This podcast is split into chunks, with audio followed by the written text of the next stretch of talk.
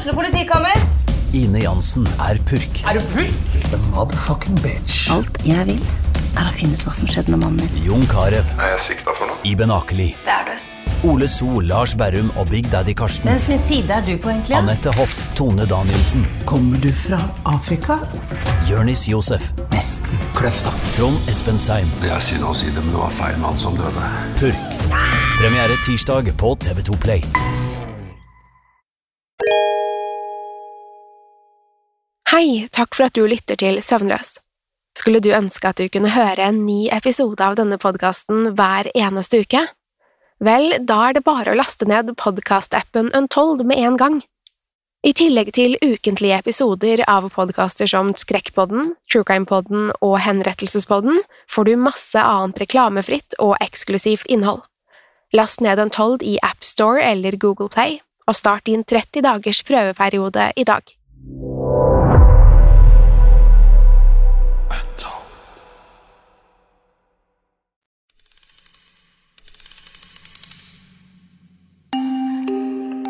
Om du har planer om å sove og drømme søtt i natt, er dette ikke podkasten for deg. Hvis du er lettskremt, lett påvirkelig eller har søvnproblemer, bør du styre unna akkurat denne.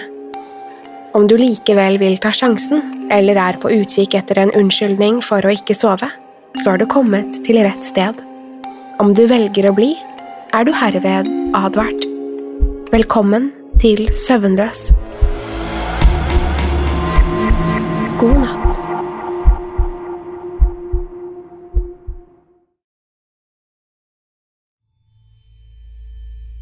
Midnattleken er et gammelt paganistisk rituale.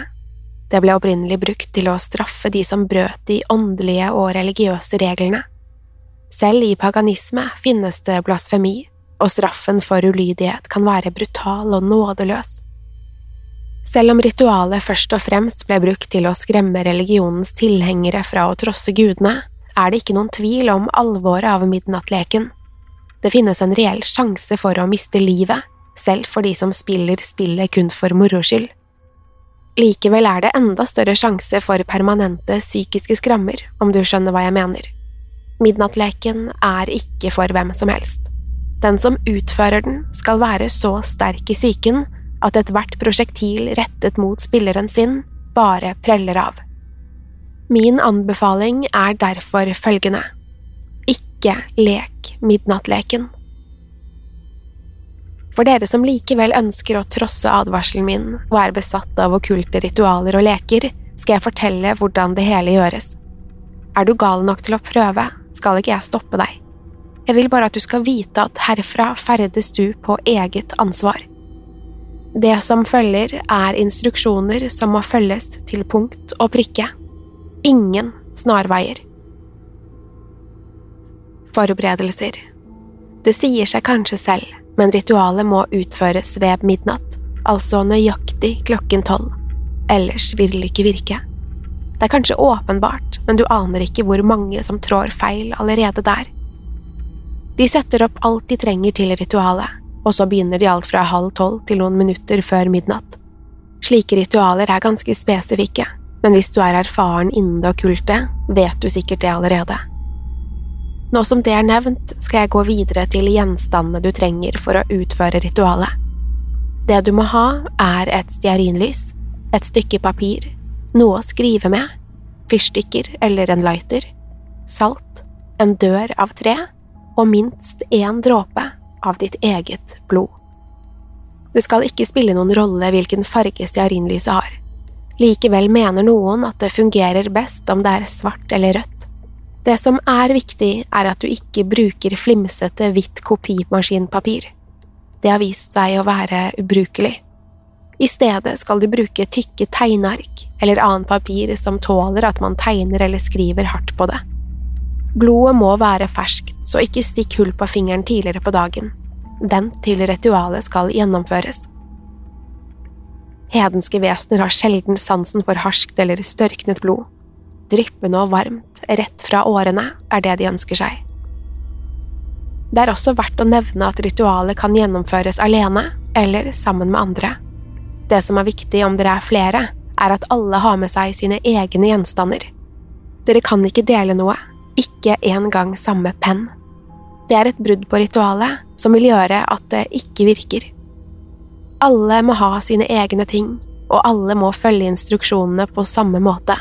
Jeg gjentar ingen snarveier. Når du har alt på plass og er klar for å gjennomføre ritualet, kan du sette i gang. Midnattleken krever ikke at du spiller på et spesielt sted, som i en kirke eller en annen hellig plass. Det eneste som er viktig, er at det er en tredør i rommet, og at det er mulig å skru lyset helt av. Om du nå er helt sikker på at du vil fortsette, kan du følge disse instruksjonene. Steg 1. Skriv ditt hele og fulle navn, inkludert eventuelle mellomnavn, på papirstykket. Navn er mektige seil i paganisme, men det holder ikke å bare skrive deler av det. Bokstavene bør være tydelige og hardt skrevet på papiret. Så snart du har navnet ditt foran deg, stikker du hull på hånden din og lar minst én dråpe blod falle på papiret. Mer blod kan gi en sterkere effekt, men det er ikke nødvendig. La blodet trekke inn i papiret før du fortsetter. Steg to Skru av alle lysene i rommet. Det skal nå være helt mørkt, og du burde ikke engang kunne se hånden din foran deg. Deretter går du bort til tredøren og legger arket med navn og blod foran den. Nå kan du finne frem stearinlyset, tenne det og plassere det midt på papirstykket. Steg tre Bank på tredøren foran deg 22 ganger. Klokken må fremdeles være tolv når det siste banket faller. Åpne døren forsiktig, blås ut lyset, og lukk døren igjen. Om alt er gått som det skal, har du nå invitert Midnattmannen inn i rommet. Herfra er det viktig at du gjør akkurat som jeg instruerer. Det er det eneste som holder deg trygg, i alle fall så trygg som det er mulig å være. Steg fire Tenn lyset igjen med det samme. Nå begynner leken for alvor. Grip tak i stearinlyset og hold det opp foran deg.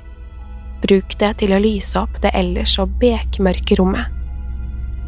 Du skal nå bevege deg omkring i huset. Målet ditt er å unngå Midnattmannen for enhver pris frem til klokken er 03.33. Du kan ikke se Midnattmannen, så stearinlyset er ikke der for å lyse opp ham. Du kommer likevel til å vite når han er i nærheten av deg. Da vil stearinlyset nemlig slukne, som om noen blåser det ut. Om lyset ditt slukner, har du kun noen få sekunder på å tenne det igjen. Det er andre indikasjoner på at Midnattmannen er i nærheten av deg. I tillegg til at lyset kan slukke, kan du kjenne plutselige temperaturfall, se mørke skygger fremfor deg, eller høre hvisking. Alt dette er tegn fra Midnattmannen.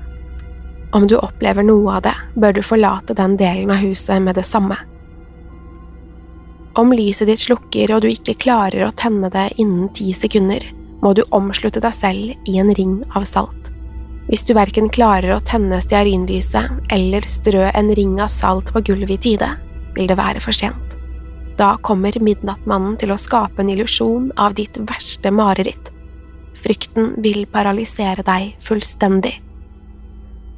Deretter vil han rive ut organene dine, ett etter ett. Du kommer til å kjenne smerten, men frykten gjør at du ikke kan foreta deg noe. Alt du kan gjøre, er å se på at innvollene forsvinner foran øynene dine.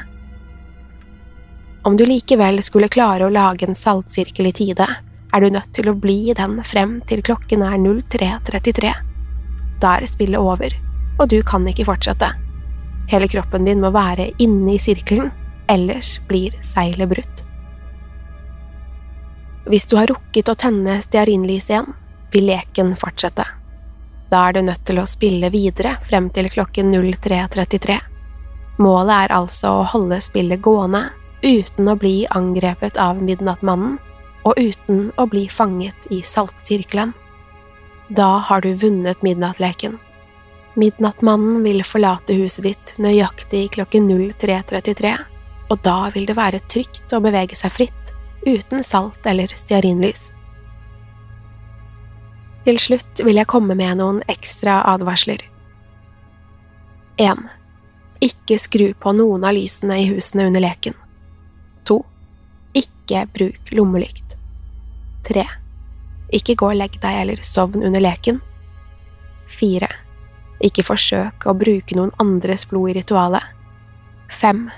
Ikke bruk en lighter i stedet for et stearinlys.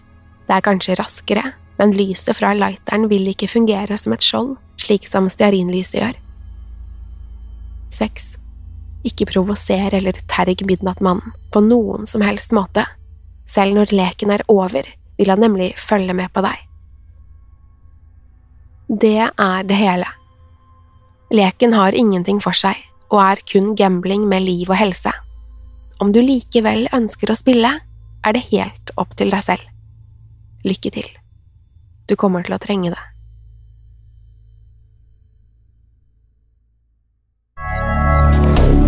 Moderne media. Har du et enkeltpersonforetak eller en liten bedrift? Da er du sikkert lei av å høre meg snakke om hvor enkelt det er med kvitteringer og bilag i fiken, så vi eh, gir oss her, vi. Fordi vi liker enkelt. Fiken superenkelt regnskap.